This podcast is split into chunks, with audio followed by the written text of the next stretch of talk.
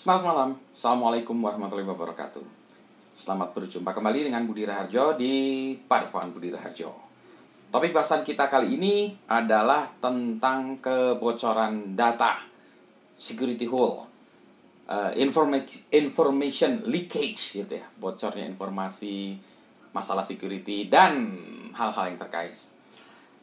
Uh, jadi ceritanya uh, baru-baru ini kita mendengarkan ini pas lagi video ini dibuat kebocoran data dari uh, sebuah tempat lah, diduga BBJS lah.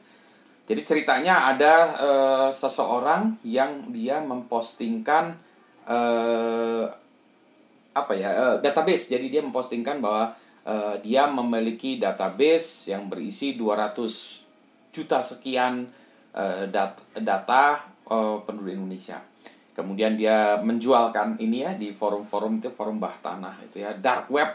Uh, dan dia juga memberikan sampel. Dia klaimnya satu juta uh, sampel ya untuk menunjukkan ini. Ada satu juta sampel dari 270 atau 290 juta uh, data. Uh, nanti di sampelnya uh, kalau dilihat sebetulnya hanya 100 ribu sih sebetulnya. Nah balik lagi Nah, sekarang eh, kebocoran data. Kebocoran data itu eh, bagaimana kita menyikapinya? Kalau menurut saya ini itu sesuatu hal yang sering terjadi. Eh, jadi sering yang terjadi itu bukan berarti pembenaran ya, berarti bukan berarti itu benar ya, bukan berarti itu apa ya eh, lumrah atau wajar ya. Eh, maksudnya ini dia terjadi dan di banyak tempat sekarang ini banyak database breach ya. Data breach jadi data itu bocor ke mana-mana. Uh, kasus yang terakhir ini hanya sebagai contoh aja tapi sebenarnya sebelumnya juga sudah ada banyak sekali ya. Ada e-commerce site ada database yang lain ada data mungkin yang diduga uh, data apa ya kependudukan kita data apa pemilu ah macam-macam lah dan banyak yang diduganya. Uh, apakah data sistem-sistem uh, tersebut bocor Umumnya iya, umumnya iya. Uh, perlu diingat bahwa sistem-sistem yang besar ini uh, kayak misalnya e-commerce ya itu bukan perusahaan abal-abal ya bukan perusahaan kaleng-kaleng ya. Jadi dia memang perusahaan yang besar yang mana dia memang serius terhadap uh, apa uh, database mereka. Mereka punya tim punya uh, tim security. Uh, jadi ini bukan bukan sesuatu yang apa ya uh, mereka cuek ya jadi um, uh, ini ada banyak sistem yang memang sudah dijagain habis-habisan tetap aja terjadi. Jadi kebocoran data itu bisa terjadi kepada siapa saja. It could happen to anybody. Ya. Tinggal masalahnya kapan terjadinya dan seberapa besar uh, dampaknya atau efeknya atau kebocorannya kalau kita ambil analogi ini seperti analogi kesehatan lah ya kesehatan uh, orang ada yang sakit ada yang sakitnya cuma sederhana sederhana ya sedikit sakit uh, batuk-batuk sebentar terselesai ada yang sakitnya parah gitu ya. Nah ini juga sama ya. Meskipun orang tersebut sudah berusaha ya makan bagus uh, olahraga uh, pokoknya kehidupannya teratur tetap aja juga penyakit bisa tetap datang. Nah mungkin karena macam-macam ya satu dan lain hal. Jadi kebocoran data itu adalah sesuatu hal yang ya kita akan lihat ya akan lihat berterus terus menerus akan ada kejadian-kejadian lagi. Nah sekarang hal yang berikutnya. Kenapa itu bisa terjadi? Kenapa kebocoran data ini bisa terjadi? Uh, macam-macam penyebabnya. Ada yang penyebabnya itu karena uh, umumnya ya lalai. Lalai atau ceroboh. Jadi uh, kalau kita lihat dari beberapa contoh klien kami didapat kami apa ya uh, lihat bahwa kebanyakan itu lalai uh, maksudnya lalai itu gimana? Misalnya misalnya nih uh, instansi ini sedang memperbaiki sistem upgrade atau ada segala macam dia harus menyalakan sesuatu menyalakan sistem emailnya atau menyalakan menyalakan remote aksesnya menyal, uh, apa orang supaya bisa akses dari luar dari jarak jauh. Setelah selesai lupa nutup pintunya.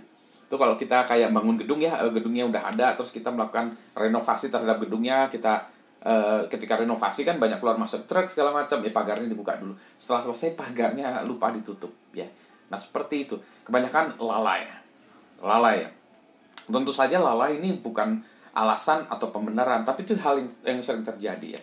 Bahwa lalai pun tetap harus ada sanksinya ya. Jadi lalai juga bukan berarti lalai itu bisa lepas tangan ya. Yang yang yang kedua uh, bukan lalai tapi mungkin uh, tidak mengerti ya tidak paham ya tidak tidak uh, tidak tidak paham itu artinya ya memang dia nggak paham terhadap security ya. Bahwa sistemnya tuh ada di dalamnya masalah segala macam. Nah ini juga yang nomor dua ya tidak paham. Uh, karena mungkin kalau kita bilang ya ilmu uh, security information security ini quote unquote ilmu yang baru kalau di, di di ranah publik ya ranah pelayanan publik itu ilmu yang baru. Uh, commerce lebih duluan me mengadopsi uh, militer lebih duluan mengadopsi gitu. jadi kalau ranahnya masih baru jadi pengembang aplikasi pengelola sistem umumnya uh, masih mem belum memiliki kemampuan untuk memahami masalah security ini Contohnya apa? Contohnya ada yang desainnya buruk ya, desain buruk. Misalnya desain buruk sehingga data sudah demikian pro, uh, bocor. Uh, contoh yang buruk sebenarnya kalau kita lihat desain KTP kita ya nomor KTP kita tuh uh, di situ ada tanggal lahir kita. Jadi nggak usah nebuk-nebuk nebak-nebak ya nama nomor KTP itu bisa kelihatan terlalu banyak data yang bisa terungkap di dalam nomornya. Seharusnya nomornya tidak boleh demikian. Demikian pula ada banyak hal ya untuk mendesain sebuah ID itu tidak boleh sequence dan lain sebagainya. Technically begitulah ya. tapi pada prinsipnya gini ada banyak contoh yang by design ya uh, sistemnya memang bermasalah ya sehingga apa pun e, cara implementasinya tetap akan bermasalah. Yang kayak gitu tuh tinggal tunggu waktu ya. Tinggal tunggu, tunggu waktu. Nah ada lagi yang tidak peduli. Tidak peduli. Kalau tadi tidak tahu ini tidak peduli. Dia tahu wah ya tapi tidak punya uang. Nah udahlah kita jalanin aja. Nah e, yang tidak peduli ini reckless ya. E, memang e, reckless ini berbahaya dia, dia uh, abai ya abai. Tapi uh, dia udah tahu bahwa sebenarnya ada mas apa harus ada security tapi dia cuek. Nah ini yang bermasalah. Kalau yang ini agak susah lagi nanganinnya. Ya. Jadi eh, masalah kebocoran data akan selalu terjadi lagi ya karena tadi. Ya. Kalau gitu kita kalau sudah tahu ya, kalau sudah tahu gitu gimana caranya? Ya berarti e, caranya sama dengan seperti kesehatan. Kita memeriksa kesehatan kita secara berkala, cek kesehatan kita secara berkala, regular check up ya. Atau kalau enggak ya kalau terpaksa kalau pas sakit aja check up. Nah juga begitu ya. Kalau dari sisi kata mata uh, IT system ya, uh, sistem IT, maka kita umumnya melakukan security audit.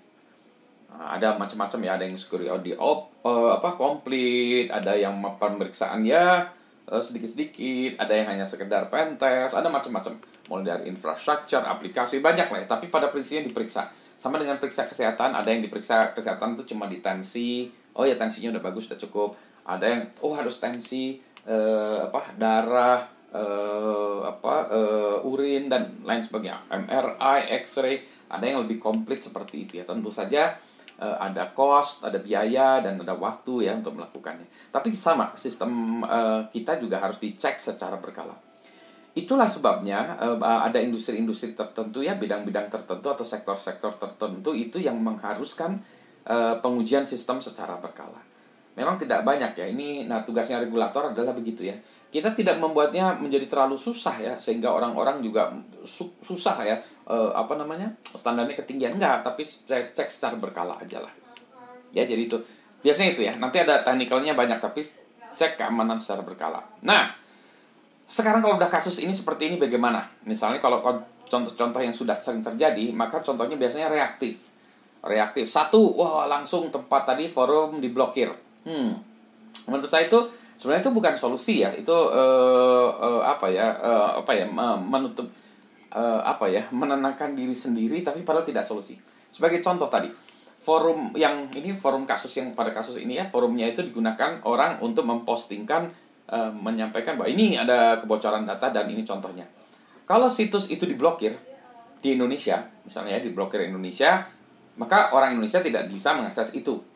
Seolah-olah ya tapi kan orang luar negeri tetap aja bisa download ya. Uh, jadi dengan kata lain kita nggak bisa apa-apa, tapi dengan orang luar negeri masih bisa menikmati kebocoran data, ya sama saja gitu. Ya. Jadi malingnya bukan orang Indonesia, tapi orang seluruh jagat selain Indonesia. Yang mana mungkin mereka lebih jahat-jahat lagi ya gitu. Ya. Nanti kalau udah udah dapat juga sama mereka juga bisa jual lagi ke orang Indonesia gitu. Ya. Atau malah digunakan oleh orang luar negeri untuk yang ngacoin ya. Jadi itu tidak memberikan solusi gitu. Yang kedua, kalau tadi ya pemblokiran-pemblokiran itu ada banyak cara untuk uh, apa ya uh, melewati jalur pemblokiran tadi. Saya nggak usah ceritakan, tapi ada banyak cara sehingga pemblokiran tersebut tidak efektif. Ya memang uh, saya paham sih pemerintah harus melakukan sesuatu ya. Yang pasti pemerintah akan menegur situsnya itu akan minta suruh di take down ya. Tapi uh, sering kali situs seperti itu uh, tidak mau ya terima tidak mau terima uh, permintaan dari pemerintah jadi mereka tetap nekat nah kalau kayak gitu gimana ya itu tadi ya. Uh, menurut saya penutupan itu tidak efektif. Itu kayak uh, kita tahu di sini ada tempat orang penjualan misalnya apa ya uh, drugs ya narkoba gitu narkoba. Cuma kita bilang eh jangan uh, rumah itu nomor jalannya dihapus ya. Tapi rumahnya masih ada.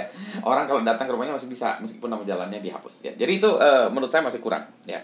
Uh, tentu saja uh, bisa cara lain lagi ya. Bisa cara lagi melakukan uh, penelusuran. Nah ini yang susah melakukan penelusuran ya forensik lah segala macam untuk memeriksa sebenarnya kebocoran ya itu dilakukan oleh siapa orang dalam atau orang luar dan seterusnya oh ya tadi pas pemeriksaan kasus ini sudah pasti harus diperiksa lagi sistemnya harus diperiksa kebocoran itu datangnya dari mana untuk memastikan itu tidak terulang atau tidak menambah lagi ya menambah e, masalah yang lebih baru gitu.